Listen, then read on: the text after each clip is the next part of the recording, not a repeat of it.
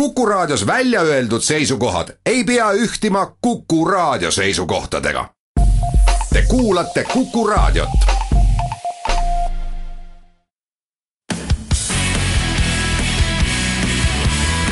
Delfi kiirtund.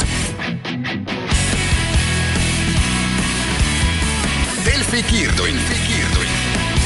tere kuulamast äh, Delfi kiirtundi. Täna on äh, tõeliselt ajalooline saade, nimelt äh, põhjus väga lihtne, Delfi kiirtund on Kuku raadio eetris täpselt viimast korda. edaspidi saate meid kuulata juba meie enda äh, veebilehelt Delfi, Delfi postka-, pod-, podcasti näol, millest me räägime saate lõpus natuke täpsemalt ka. Teie ees täna Urmas Jaagant, Priit Simson ja mina, Ott Eiland. oleme va-, valinud välja mõned meie jaoks selles, selle nädala äh, põletavamad teemad ja räägime nendest. esimesena võtame ette presidendivalimised Eestis, hiljem räägime, räägime kindlasti sellel nädalal siis lõpuks ometi esimeste sõjapõgenikena Eestisse saabunud inimestest ja sellest, sellest teemast natuke laiemalt. Kindlasti pöörame tähelepanu ka sellel nädalal rohkelt räägitud teemast, nimelt siis islamiusust, sellest on, on meil üks tore arvamusartikkel olnud ja lisaks ka intervjuud tänases lehes. ja hiljem vaatame veel üle, mida see Keskerakond on, on viimasel ajal jälle korda saatnud. Presidendivalis, valimistest võiks alustada, seni, seni on see põhiline, mulle tundub, noh, kuidas öelda siis, kriitika olnud selle, kogu selle valimiste suunas see, et et see oleks nagu koopasse peidetud, kogu see kampaania. Kas äh,, vaielge mulle vastu, aga, aga miks ta, miks ta peakski olema nii, nagu äh, näiteks USA-s, sellepärast et meil ei ole otsevalimisi, meil ei ole presidentaalne riik, kas meil peaks tõesti, tõesti olema presidendikampaania nii suur ja lai, et sellest teaks äh, iga inimene ka, ka Peipsi, Peipsi taga või Peipsi, Peipsi kuskil väikses külas? ma arvan, et äh, jah, et see ongi nagu põhjus, et et seda kampaaniat ei tehta tegelikult ju nagu nii-öelda suure publiku ees, et et meil endal on ka küsitlus, et äh, millist kandidaati nagu rahvas siis eelistab, et noh, aga see on selline, see on selline oma lõbuks tegelikult ju selles mõttes tegemine, et ega ega sellest ei sõltu mitte midagi, mida, mida inimesed nagu küsitluses nagu arvavad. et äh, selles mõttes pole nagu üldse üllatav, et, et see on nagu äh, kampaaniat tehakse nagu teiste inimeste hulgas, ehk siis nende hulgas, kes, kes reaalselt nagu seda asja otsustavad. teistpidi mm, avalikkuse ees jah, muidugi mingeid debatte tahaks kindlasti näha ja ja, ja presidendi ütleme nii-öelda seisukohti, tulevase presidendi mingeid seisukohti ühes või teises teemas äh, peaks kindlasti kuulma ka laiem ring inimesi kui, kui ainult need, kes kes on siis näiteks Riigikogu saadikud, kes saavad valida presidenti või kui neil ei õnnestu, siis äh, valijamehed, ehk siis ka omavalitsustest äh, juhid. ja tegelikult on ju jah, tõesti ta on äh, küll valitav umbkaudu noh, maksimaalselt kolmesaja inimese poolt, aga samas va-, äh, president hakkab ta olema tervele Eestile. ja meil on selline kaudne demokraatia, eks ole, esindusdemokraatia, aga see esindusdemokraatia toimib ju selle kaudu, et et rahvas siis avaldab omakorda nendele samadele esindajatele mõju, ehk siis see esindaja peab siis käima ja tuult nuuskima, et mida see rahvas nagu arvata võiks, nii et päris sajaprotsendiliselt lahti rakendatud see rahva tahtest kindlasti ei ole ja enamasti need, keda on välja käidud, kes on presidendiks saanud või siis üldse selles presidendirallis ka kusagile kaugematesse sfääridesse jõudnud, et enamasti on ikkagi teatud toetust ka reitingutes siiski omanud et äh, jah, ma mäletan hulk aastaid tagasi ammu,, ammu-ammu, kusagil kaugel üheksakümnendatel oli vist juttu, et et presidendiks, presidendikandidaadiks võiks saada, äh, õigemini presidendiks võiks siis saada ka keegi, kes on täitsa selline must hobune, et äh, ei suudetud mingisugust kompromissi leida ja siis räägiti mingisugusest Rootsis elutsevast teadlasest Enn Tõugust. Nii et huvitav, et kas me jõuame ka praegu sellise väga fragmenteerunud Riigikogu olukorras selleni, et et kuna keegi teine ei tohi ju võita, ei taha ju ühtegi olemasolevat jõudu tugevdada, siis valime äkki ära kellegi sellise, keda keegi ei toeta. nii et ma... põhimõtteliselt poliitil-, poliitiline loogika mõnikord äh, haruldastel juhtudel nii siiski töötab. ja ma usun, et praegu on kõige suurem hirm ikkagi Riigikogu erakondadel see, et et ei tekiks nagu liiga suurt šanssi EKRE kandidaadil, kes tõenäoliselt saab olema Mart Helme, aga eh, noh, teda ei käida kindlasti välja Riigikogus, et tema nii-öelda see hea põld on see valijameeste, valijameeste põld, et ähm, sellepärast rabelevad kindlasti ja on valmis võib-olla arvatust isegi rohkem koostööd tegema mõned Riigikogu erakonnad selleks, et president saaks ära valitud siis Riigikogus. no võtame korraks need, need nii-öelda siis sellised variandid, mis on nagu mõne erakonna vahel, eks ole, ja kus on võimalik mingit koostööd teha, võtame need korraks ette, noh esimene, esimene ja tegelikult ka väga lihtne variant on ju ise Marina Kaljurand ise, sellepärast et ta ei ole Reformierakonna liige, Reformierakonna noh, ikkagi tahaks arvata, et võib-olla siis peamine kandidaat saab olema Siim Kallas, kas saab või ei saa, see on veel täna, täna ju selgelt veel noh, ebamärane, me ei tea, tea, kuidas see täpselt läheb, aga, aga, aga nagu ka meil teisipäevases lehes äh,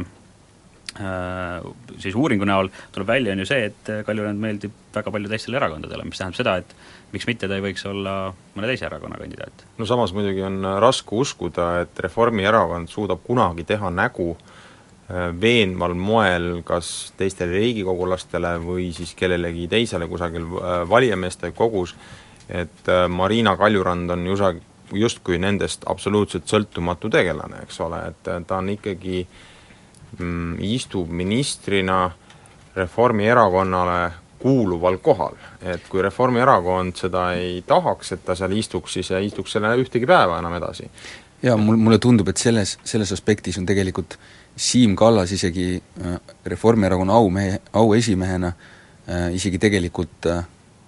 sõltumatum Reformierakonnast äh, võib-olla kui Marina Kaljurand. väga täpselt öelda, et tegelikult tänasel päeval on äh, Marina Kaljurand äh,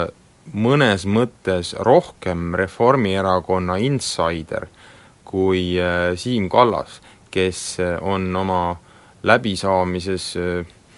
Reformierakonna praeguse juhtkonnaga elanud läbi mitmeid selliseid külma sõja perioode. Aga Marina Kaljurand eh, ju suhtleb nendega igapäevaselt niimoodi, et eh, noh, ma kahtlustan küll, et kõnesid ja kirju ning otsekontakte Reformierakonna juhtkonnaga on Marina Kaljurannal oluliselt rohkem kui Siim Kallasel, aga oluline faktor on ka see, et EKRE on öelnud, et tema ei kavatse aidata kaasa Reformierakonna võimuvertikaali pikendamisele teisipäevases äh, Vabariigi kodanike saates, kus, kus oli sama, sama teema arutluse all, äh, ütles politoloog Tõnis Saarts, et nendel valimistel võib tekkida efekt, et erakondlikke kandidaate, mille toetused lähevad täpselt erakondade järgi, võib-olla välja ei kujunegi. et äh, sellegipoolest, kuidas, kuidas me siis selle teema kokku võtaksime, et kes, kes, kellest millise erakonna või mis, ke-, kellest saab siis erakondade kandidaadid, on see, oskame me seda kuidagi praegu ette prognoosida? ma arvan, et äh, selle võtame vast kokku ikkagi pärast väikest kommertsteadaannet. Delfi kiirtund. Delfi kiirtund. Tere tagasi kuulama Delfi kiirtundi, teie ees Urmas Jaagant, Priit Simson ja Ott Eiland. jäime siin esimeses otsas täitsa hätta, teema läks, läks nii, nii sujuvalt, nii kiiresti, et ei, ei saanudki punkti ilusasti panna. tahtsin küsida lõpu, lõpuks, lõpetuseks, et kas, kas või millal õigemini võiks, võiksid konkreetsemad val-, kandidaadid siis erakondadele välja kujuneda? millal, ma võin öelda seda, et võimalikult hilja et äh, tõenäoliselt oodatakse nii, nii kaugele teiste poolt kui nagu võimalik. See võib natuke muutuda nüüd Kallasega, see, tänu sellele, et et noh, kui nüüd Kallas saab seal tribüünil nagu üksi äh, seletada, rääkida, käia, siis teistel hakkab kindlasti põlv värisema, et, et äh, korjab nagu liiga suure poti enne ära, et kas ikka hakkab, võib-olla nad just kasutavad seda ära, et Kallas äh, noh, võib-olla siis teisel korral, eks ole, vara tuleb välja, teeb sellist soolokampaaniat, et võib-olla see on äh, talle kokkuvõttes noh, nagu ikka, et esimene, mängib nagu halvasti kätte. et esimene lastakse auklikuks. just. noh, kindlasti midagi tuleb, aga tema vastu ka nagu, aga aga ma natukene imestan tegelikult, et veel juba ei ole tulnud. et äh, ma ei tea, mis siis neil nii kaua aega võtab. jah, et kaust, kuhu peale on kirjutatud Dielo, eks ole maandub äh, kusagil toimetuse liftis, sõidab üles iseenesest ja siis äh, siis lähevad lahti karjed, et see on tellitud lugu, see on tellitud lugu, et et äh, noh jah, tegelikult see Siim Kallase isikut on vaetud ikkagi igatepidi, et äh, ta mõnes mõttes ongi ähm, Marina Kaljurannaga võrreldes nagu sootuks halvemas seisundis, sest et alati saab, saab tema puhul karjatada midagi seal kümnest miljonist,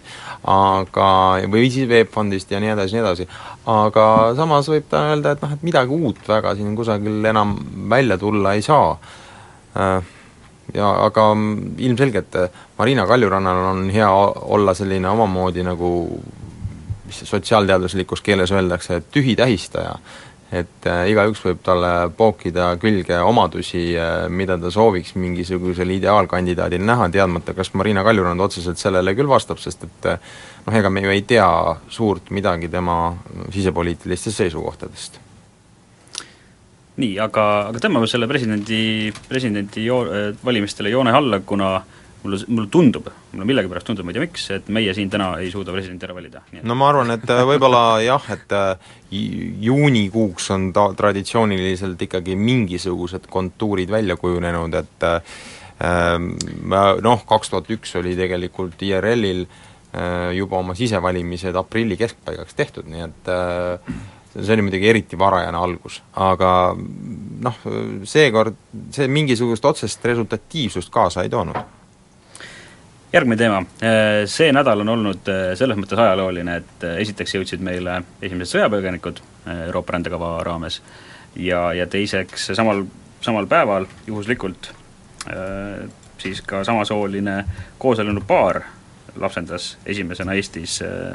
lapse, lausa, lausa lapsed, kaks tükki vist oli neid jah, et sõjapõgenike saabumisega siseminist-, Siseministeerium kutsus kohe samal päeval muidugi kokku äh, sellise noh, mõnes mõttes nagu klassikalise, eks ole, pressikonverentsi, kus kus, äh, mis toimus muidugi õhtul kell kuus, sealt anti teada ametlikult pool viis, äh, mis ma läksin sinna, noh, kuna ma käisin ise kohapeal, suure sellise nagu, kuidas öelda, Äh,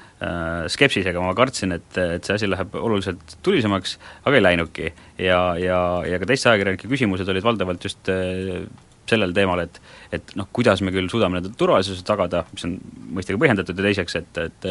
et noh, no nüüd, nüüd, nüüd kohe hakkavad uh, uued rongkäigud tõrvikutega ja asi läheb ikka päris hulluks, et mis me, mis me teeme ja kas politsei on ikka selle jaoks valmis.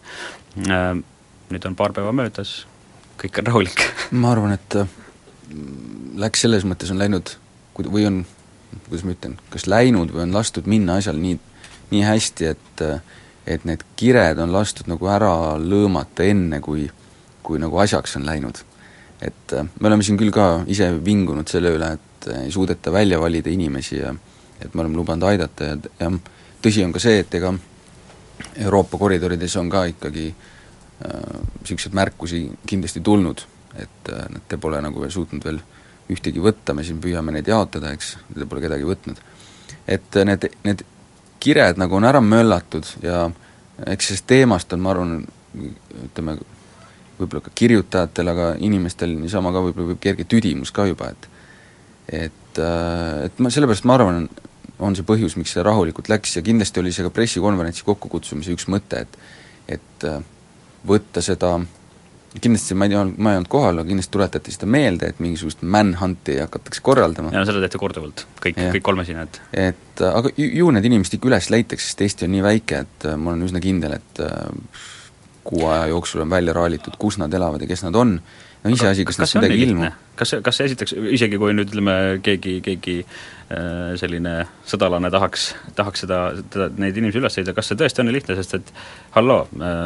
senise kahekümne aasta jooksul või noh, viimase kahekümne aasta jooksul on meil on meil üle kahesaja inimese rahvusvahelise kaitse saanud Eestis, kes näevad noh jaa, ma ei pida-, ma ei pidanud silmas rassistlikus, aga näevad selles mõttes sarnased välja, nad on kuskilt, kuskilt mujal pärit, nad ei ole klassikalised eestlased. ma ei pidanudki silmas äh, kilejopedes neid oodinlasi, vaid ma pigem nagu pidasin rohkem silmas ajakirjandust, et et äh, noh, kahtlemata oleks huvitav teada, et näha, kes need inimesed on ja mida nad räägivad, arvavad, et äh, noh, teiselt poolt tõesti võib öelda, et meil vist on ju üks, ka üks Guantanamast toodud inimene, ma ei tea, kas keegi teab, kus ta absoluutselt ei, see oli, oli küll suur kära siis, kui ju ta toodi, aga sinna ta jäi. aga jah, ma arvangi, et see kära on praeguseks noh, piisavalt palju maha vaibunud ja ja pärast seda pressikonverentsi, et ma ei usu, et väga suureks jamaks läheb ja ma arvan, et äh, nende seitsme inimese saabumist ei kasuta keegi ka eriti ära, sellepärast et et äh, mõtleme korraks selle peale, et kui siin EKRE ja mingisugune, mingisugused veel mingid ekstreemsemad seltskonnad eesotsas Kristiina Ojulandiga on teatanud meil massimigratsioonist, kuidas salaja tuuakse lennukitega pagulasi, mis ju ei vasta tõele, siis noh, nüüd oleks natuke narr hakata kisa tegema seitsme inimese pärast, kui meil on, eks ole, nii-öelda salaja toodud sadu pagulasi. nii et äh, ma ei usu, et isegi nemad sellest mingit, mingit tuure üles tõmbavad. no ausalt öeldes äh,, olles tulnud sama lennukiga kunagi, ma lendasin kuhu, sama lennukiga, millega lendasid äh, Soome minevad pagulased, see oli siis üheksandal märtsil, et äh, minul õnnestus nendega kaasa teha Ateena-Istanbul lend, nemad siis, mina siis läksin edasi Tallinna lennu peale Istanbulist ja nemad vastavalt Helsingi lennu peale, noh, seal oli lennu peal päris mitu äh, selgete füüsiliste puuetega inimest, et üks äh, naisterahvas, kes oli kaotanud käe, saanud näost tugevalt põletada, siis üks meesterahvas, kellel polnud jalga, istus ratastoolis, et ausalt öeldes, kui nende vastu siin nagu tõrvikutega minna, tõenäoliselt see selline noh, meeleavaldajad oleksid ikkagi ennast jube nirult tundnud, kui nad oleksid selliste eh, kannatanud inimeste vastu kuidagi läinud seal väga prõmmima ja kisama, et eh, noh, lihtsalt selline omamoodi nagu maaslama ja löömine, et ma usun, et et ükski inimene ei tunneks ennast sellise tegevuse juures kuidagi hästi, et, et noh, ikkagi oma vastaspoolt peab kuidagi valima, et eh, kin-, kindlasti noh, seal oli ka muidugi veidi, veidi tugevamas toonuses inimesi, aga, aga siiski, et noh, keegi neist ei tundunud olevat see müstiline oht, mille peale sa nagu vaatad ja hakkad kartma. Siiski on siin räägitud äh, Pandora laeka avamisest, nüüd, nüüd lõpuks leidsime esimesed, ka järgmise kaheteist äh, inimese äh, dokumendid on, on Eesti, Eestil olemas, kes peaks olema varsti tulemas ja nagu, nagu ütles ka siis asekantsler Raivo Küüt, et et noh, nad loodavad väga seda, seda sammu pidada, ehk siis umbes noh, kakskümmend, kakskümmend kolm inimest kuus, et sellega, sellega peaks selle mm, solidaarsuskohustuse saama täidetud, et et kas see, kas see võib olla selline, selline teema, mis siiski hakkab nüüd mingi aja möödudes jälle tuure üles koguma, kui need tõesti hakkab niimoodi regulaarselt tulema, või, või me oleme rahulikud, et noh, ju, ju see, ju see lähebki niimoodi rahumeelselt ja vaikselt edasi. aga nende hulk ja nende kogus ongi tegelikult ju kriitiline küsimus. nii, aga siinkohal teeme pausi, kuulame uudiseid ja tuleme tagasi juba pärast seda. Delfi kiirtund. Delfi kiirtund. tere tagasi kuulama Delfi kiirtundi, viimane ajalooline saade on praegu eetris teie ees, Urmas Jaagant, Priit Simson ja Ott Eiland. teisipäevases lehes oli meil äh, Üllar Petersoni, islami, islamiuurija äh, arvamusartikkel pealkirjaga Milline on tõeline islam, äh, selline nagu seitsmendal sajandil. Priit, sinus tekitas see, see arvamusartikkel selliseid soojaseid emotsioone, sa, sa kiitsid seda lugu taevani, räägi meile natukene, mis me peaksime sellest arvamusartiklist kaasa võtma? no võib-olla ei saa, ei ole päris täpne iseloomustus, et ma kiitsin seda taevani, aga küll aga ma kindlasti rõõmustasin, et äh, meie lehes oli selline lugu, sellepärast et Üllar Petersoni äh, puhul tuleb arvestada seda, et tegemist on Eesti ühe parema islamitundja ja ühe parema arabistiga, et äh, tegelikult ta on õppinud Iraanis, on olnud pikka aega Egiptuses, valdab äh, nii pärsia kui araabia keelt ja noh, kindlasti tegelenud väga palju Koraaniga ja loeb seda ka originaalkeeles äh, ja tunneb ka muud islami pärimust. Äh, nii et seda, mida tema ütleb, tasub kindlasti tähele panna, mis on tema jutu mõte seal, on ennekõike see, et et selline islam on omadega, õigemini need mõõdukad moslemid on suuresti radikaalide jaoks ideoloogilises plaanis konksu otsas. et lihtsalt see, et tema, nagu ta väidab, et et selline tõeline islam on, on ikkagi siis, kui šariaat kehtib ja moslem üritab oma elus prohvet Muhamedi elu kõigiti jäljendada. nii et keskmine, ka mõõdukas moslem, et tal on ikkagi raskusi mingisuguse tegevuse mittetunnustamisega, mida Muhamed omal ajal tegi, eks ole, ja, ja, ja sellest plaanist, et see mm, Muhamedi ajal õigeks peetu tunnustamine noh, see on kaunikesti raskesti sobitatav tänapäevase eluga, et mis on võib-olla selle noh, sellise käsitluse viga on ehk see, et, et ta võib tekitada noh, sellise tunde, et, et kui me nüüd mingit moslemit näeme, siis me peame kohe hirmsasti kartma hakkama, samas kui suurem osa nii Euroopas elavaid moslemeid kui ka Lähis-Ida moslemeid mingisugust vahetut ohtu ei kujuta inimesele. Aga küll aga on selle loo tugev positiivne alge selles, et et ta osutab mõningatele aspektidele, mis võivad noh, mis selgitavad natuke seda, et miks on islami radikaalsus ikkagi niivõrd nakkav ja et miks ta on nii elujõuline ja et kas, et kas on islamis, mis ju väidetavalt on selline rahureligioon ja nii edasi ja nii edasi, et, ähm, et kas selles on midagi sellist, mis äh, sellist, sedasorti ekstremismi ja radikaalsust võiks kuidagi tagant kihutada. et äh, jah, on kõneldud, et äh, noh, tegemist on usuhulludega, mis tõenäoliselt nii ongi, eks ole, aga, ja, ja on olemas suur, suur osa moslemeid, kelle puhul ei ole ka mingisugust küsimust, et ta toob väga se-, täpselt välja, et mingisugused Eestis pikalt elanud tatarlased või aserid, kes meil on, et noh, nende puhul mingi radikaliseerumise tõenäosus on väga-väga väike. see on ta ka kõige mõõdukam, et nad on ka kõige ilmselt jah, et pigem on juttu nagu värsketest värsketest immigrantidest, kes tulevad siia salafistliku sõnumiga ja sal-, salafi suund ennekõike ütleb seda, et noh, ta rõhutab seda, et äh, islam peab olema võimalikult algupärane, mida algupärasem ta on, seda õigem ta on. paranda mind, kui ma eksin, aga mina loen siit välja äh, seda, et Euroopa on sisuliselt äh, islamile noh, et see, et me võtame vastu või meie hulka on tulemas nii palju nüüd siis moslemeid, see on suur oht? jah, tema ütleb seda küll, et et see ta osutab, et ähm, kuivõrd hästi lihtsalt levib selline äärmusideoloogia, sest et õigemini kui noh, küsimus on selles, et äh, millele ta osutab, et äh, et ennekõike need inimesed, kes tulevad siia, on väga konservatiivsest taustast ja, ja noh, seal on äh, sellised islami tõed ja Muhamedi elu on vaieldamatu tõsiasi, eks ole, et, et ähm, noh, ja ja siis, kui ta satub siia, siis tema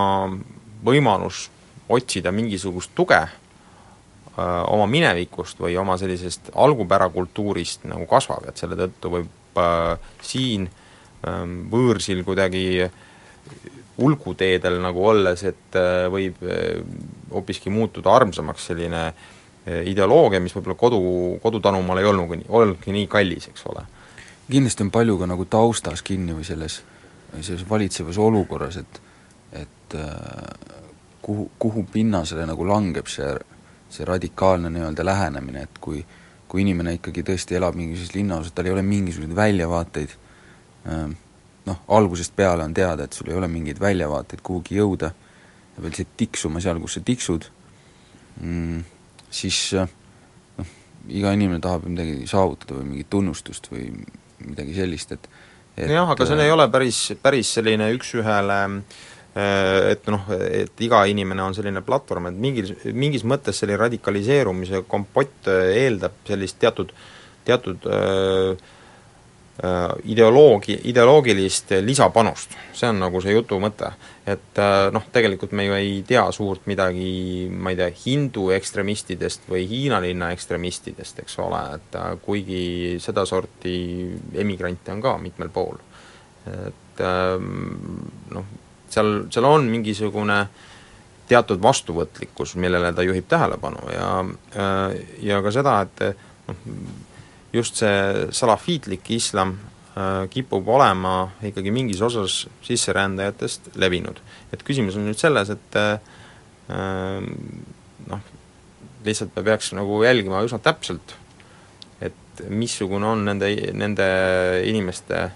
arusaam, kes siia saabub. Ma läheksin siit sujuvalt üle meie tänasele lehele, kus, kus on mm, intervjuu Prantsuse ajaloolase, õigemini siis äh, immigratsiooni ajaloolasega, kes äh, toob välja just Prantsusmaa näitel, mm, mis on siis nende integratsioonis äh, noh, läinud valesti. ja üks, üks võib-olla põhilisem, mida ta välja toob, on haridussüsteemi läbikukkumine ja, ja ma korraks ühe kiire lõigu siit loen, see muutus umbes, see muutus, muudatus toimus umbes tuhande üheksasaja kuuekümne kaheksandal aastal, riigi ja õpetajate autoriteetsus aeti segi, eeskujuks võeti sõnum, laps tuleb seada esimeseks, peab kuulama last, kui os-, ostetakse autot ja valitakse telekanalit. see viis respekti kadumiseni, nüüd tuleks haridussüsteemi ümber mõtestada. ma saan aru, et meil on küll nüüd äh, ilmselt see väga kauge, kauge nagu äh, probleem võib-olla peaks mõtlema, aga sellegipoolest meil on esimesed äh, esimesed põgenikud siia tulnud, kes, keda pannakse nüüd, üritatakse meie koolisüsteemi, eks ole, integreerida, eh, kas me peaksime kuidagi oma, oma haridussüsteemis hakkama mingisugust väikest rühma looma, kes mõtleks, mõtleks selle peale, kuidas neid inimesi, neid eh, siis äh, islamiusulisi meie haridussüsteemis ikkagi Äh, integreerida nii, et meil ei tekiks pingeid, ei tekiks selliseid ma asju, me peaksime hiljem rääkima suurest läbikukkumisest? ma ei usu seda, sellepärast et äh, minu arust on niisugune situatsioon on ju selles mõttes teine, et need inimesed on tulnud siia äh, noh, niivõrd täies teadmises kui võimalik, mis siin nagu neid ees ootab, me oleme nagu neid lahkelt vastu võtnud, me pakume neile täpselt seda, mis meil siin on, et ja ma usun, et nad on sellest teadlikud, kui nad on nagu otsustatud nad siia vastu võtta, et et äh, selles mõttes ähm, noh, ma usun, et nende puhul on tegemist ikkagi hoopis nagu teistsuguste inimestega kui kui ütleme, kolmandat või neljandat põlve kuskil ähm, Molenbeeki tagumistes nurkades kasvavad noored, kes on, kes on seal noh, juba seal Belgia riigis sündinud, eks ole, aga kes ei näe endal mingisugust tulevikku, nii et et äh, need inimesed on ju tulnud siia otsima endale nagu uut elu või uut tulevikku, nii et et ma arvan, et see, et see ei ole nagu päris, päris sama, et me peaksime nende pärast hakkama en-, ennast nagu kuidagi ümber kujundama? no ma arvan, ilmselt on vaja lihtsalt nendele konkreetsetele saabujatele oma, omi mentoreid, omi koolitusi, kes siis nagu seletavad, kuidas, kuidas käituda tuleb, et ühes või teises olukorras ja noh, samamoodi ma näen, et Soome, Soome minejate puhul seda mingil määral ka tehti ja tehakse veel. jah, eks siin on suur roll tugiisikutel ja just sellel ka, et et meie neid äh, nõndaviisi ühte, ühte suurde punti ei pane, nagu, nagu võib-olla suurriikides Saksamaal. Äh, lühike paus ja oleme kohe tagasi. Delfi kiirtund. Delfi kiirtund, kiirtund viimane Delfi kiirtund, viimase kiirtunni viimane plokk algas nüüd, teie ees äh, Priit Simson, Urmas Jaagant, Ott Eiland räägime natuke Keskerakonnast ka, ma olen siin endale teinud märkme ja pannud selleks pealkirjaks äh, Keskerakonna tramburai. kui pikad need märkmed sul on, päris pikk rivi ma, mina, ma, mina olen siin mõned välja valinud, aga, aga vaatame jätkub veel, veel mitmeks saateks, eks ole, aga kahjuks saab aeg otsa. vaatame koos üle, et äh, kas see, kas see Mailis Repsi au, aukohtu asi, aukohtu etteviimine oli see teie jaoks mingi lugu või, või hääbus see kiiresti? Ei no oleneb, millisest korrast me nüüd räägime. Et äh, ühe tiiru, ühe raksu on ta aukohtu ees ära käinud, nüüd ma saan aru, mingi seltskond on kaevanud ta uuesti aukohtusse, kui ma nüüd õigesti mäletan, see Olga Ivanova ja tema mõningad kamraadid, põhjenduseks umbes midagi sellist, et äh, kuskilt äh, ilmuvad meediasse mingid äh, Keskerakonna nime nagu määrivad või halvustavad arvamused ja infokillukesed, et see küll kuidagi ei sobi, noh, miskipärast on nad selle kuidagi Mailis Repsiga siis ära sidunud. et äh, jah, noh, see, see trall nagu veel käib, see, see ring tuleb, ja see on, see ongi minu arust hästi täht-, täp-, tähtis nagu see mm, kuidagi kaardi, kaardistamise funktsioon sellel, sellel meie tööl, sest et äh, ausalt öeldes ega isegi ei jõua kõikide sündmustega kursis olla, teine asi, mis me oleme üles märkinud, on nüüd siis meil see äh, riigi, Riigikogus siis, eks ole, fraktsiooni juhatuse lausa siis valimise protseduur, millest keegi ei saanud aru, et mille järgi see siis neil täpselt käib, et Urmas, saad sa korraks, korraks meid äh, briifida, mis seal täpselt oli? seal oli küsimus selles, et kummale inimesed saavad äh, esimeheks, aseesimeesteks, et äh, seal Kadri Simson tegi ühe kavala lükke ja muutis seda valimiskorda. nüüd on küsimus, et kas osadel keskerakondlastel, et kes on kaevanud selle oh, nüüd, nüüd vist ei olnud aukohus, nüüd vist oli nagu tegu, tegemist ikka rohkem päris kohtuga, halduskohtuga, et et ähm, kas niimoodi saab seda teha ja kas äh, fraktsioon ikka oleks saanud valida nii, sinna neid inimesi nendele positsioonidele nii, et ei võetud arvesse erakonna juhatuse arvamust, noh, siin on ka jälle küsimus, et et milli-, mis on, mis on see nagu alus või mil-, mille, mille pealt peaks nagu toimetama, et et kui fraktsioon iseenesest on ju nii-öelda saadikul mandaadis nagu vaba, eks, et kui see on ka nagu ütleme, Riigikogu kodu- ja töökorra seaduse piires neil mm, võimalik ise otsustada, nii palju kui ma aru saan, siis kuidas endale esi, esimeest ja aseesimehi valida, et seda nad siis ju tegid, noh, osadele see ei meeldinud. jällegi, eks siis näis. aga see, et, et siin nüüd äh, Simson kasutab, Kadri Simson kasutab siis äh, ütleme siis nii-öelda vastasleeri võtteid, on see, on see vältimatu või, või, või peaks ta kuidagi teistmoodi käituma? jah, mulle tundub, et vist mitte, sellepärast et äh, kui sa ikkagi nagu hundikarjas oled, on ju, et äh, siis tuleb paratamatult nagu ulguma õppida ühel hetkel ka, et et äh, muidu sulle tehakse lihtsalt nende samade võtetega ära ja kaua sa lased ennast nagu peksta, et selles mõttes ma ma mõistan seda, jah, ega see võib-olla head muljet ei jäta, et kui see nagu niisugune traditsioon ongi, et käib mingi selline nipitamine üksteise vastu see jätkub nagu ma ei tea siis, kui kaua, et äh, see lihtsalt ei jäta nagu sellist muljet mingisugusest nagu mingist demokraatlikust ühendusest, mille suhtes muidugi niigi kohati võime niisuguseid mina, mina tahaks öelda, et eh, minu arust on just viimasel ajal demokraatia Keskerakonda saabumas, sest et ma pole nagu ammu näinud, võib-olla ma, minu noore mehe mälu ei ole võib-olla piisavalt erk, aga aga ma ei mäleta, et neil oleks ammu olnud niivõrd selliseid eh, elavaid, eh, elavaid nagu sisedebatte just, või sise, sise sellist heitlust. ju seal kindlasti on olnud ka, aga need nagu erinevalt mitmest teisest erakonnast võib-olla seal, kuna see pisut autoritaarsem juhtimine, siis on püsinud nagu rohkem erakonna sees. et ja vastu vaidlemist muidugi vähem sallivamad on kindlasti olnud ka need arutelud, et et nüüd on see lihtsalt nagu äh, nii, nii puhtal kujul avalikkuse ees, et nii, kuidas üldse olla saab, et et siin oleks tegu nagu kahe erineva erakonnaga, kes on maailmavaateliselt täiesti erinevad ja ja võitlevad omavahel mingi juhtpositsiooni pärast. üks viima-, viimasemaid äh, selliseid põnevaid uudis, äh, uudiseid siis Keskerakonnast on see, et Priit Toobal kriminaalkorras süüdi mõistetud Priit Toobal hakkab, äh, või noh, siis erakond, eks ole, esitas ta mm, rahastam-, äh, erakondade rahastamise järelevalve komisjoni liikmeks, mille on siin juba muuhulgas ka näiteks Korruptsioonivaba Eesti äh, hukka mõistnud, et äh, siin küsiti juba eile ka Twitteris, et kas, kas tõesti on juba esimene aprill äh,, mida sellest, sellest äh, lükkest nagu arvata, et et just Priit Toobal sinna, sinna pandi? tead, mulle tundub, et pragmaatiliselt mõeldes Toobal on kindlasti väga võimekas inimene äh, ja temast tuleks seal võib-olla selles mõttes rohkem kasu, et ta hoiab mingitel asjadel võib-olla nagu rohkem silma peal, et kindlasti meeldiks erakonnas päris mitmetele teada saada nagu lähemalt, mida seal arutatakse erakondade rahaasjade kohta, sealhulgas Keskerakonna rahaasjade kohta, ja mida plaanitakse uurida või milliseid dokumente plaanitakse välja küsida, ma arvan, et et see info, äh, seda infot oskab võib-olla siis Priit Toobal paremini paremini nagu koju tuua äh,, iseenesest äh, teda sinna esitada ju saab, mul on jäänud nagu segaseks, et kas, kas äh, erakonna rahastamise järelevalve komisjon peab nagu niimoodi lihtsalt leppima sellega, aga võib-olla peab ka, sellepärast et äh, kui nad hakkaks valima, kes sinna kuuluvad, siis me ei räägiks enam võib-olla nii palju sõltumatusest selle, selle nagu eri, selle komisjoni puhul. et eks see on selline jällegi nagu niisugune suhteliselt keskerakondlik käik, et poolnaljaga öeldes järgmise sammuna ootaks, et äh, Priit Toobal pandaks, valitaks äh, Keskerakonna viimasel ajal tihedalt tööd saava aukohtu esimeheks näiteks. Nii, aga, aga et me ei laseks siin nüüd oma viimase saate viimast plokki äh, Keskerakonna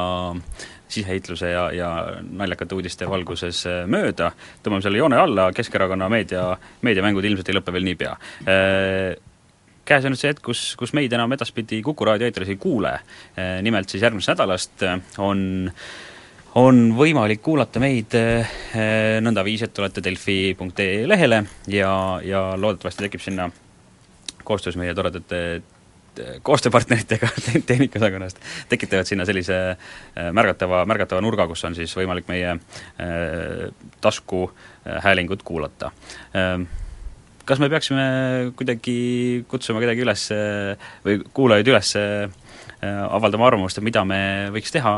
edaspidi oma siis natuke võib-olla vabamas vormis taskuhäälingus teistmoodi? jaa, näiteks arvamus.epl.ee leheküljele võiksite kindlasti kirjutada,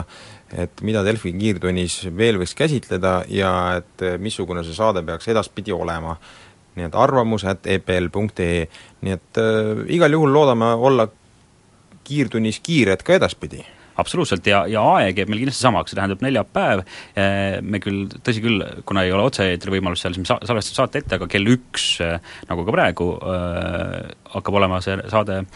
kuulatav. nii et ja kindlasti saab olema, ma arvan, et, ma arvan, ma arvan, et kindlasti saab olema sisus ka väikeseid muudatusi, et et aga noh,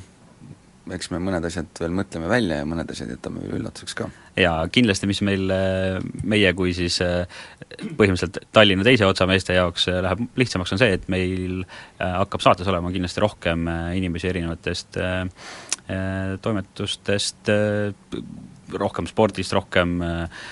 välisuudistest, rohkem võib-olla ka siin meie sõpradest, näiteks Maalehest ja nii edasi ja nii edasi, meie võimalused tegelikult suurenevad, loodame, et olete meiega nagu öeldud, arvamus, et epl.ee, pange oma mõtted, kuidas, kuidas ja mismoodi me võiksime oma uut saadet edasi teha ja paremini teha, mida teie sooviksite rohkem kuulata, nii et äh, siitkohalt tõmbamegi meie juhtme seinast välja ja edaspidi kohtume teiega Delfi.ee äh, lehel. Delfi kiirtund Delfi kiirtund, kiirtund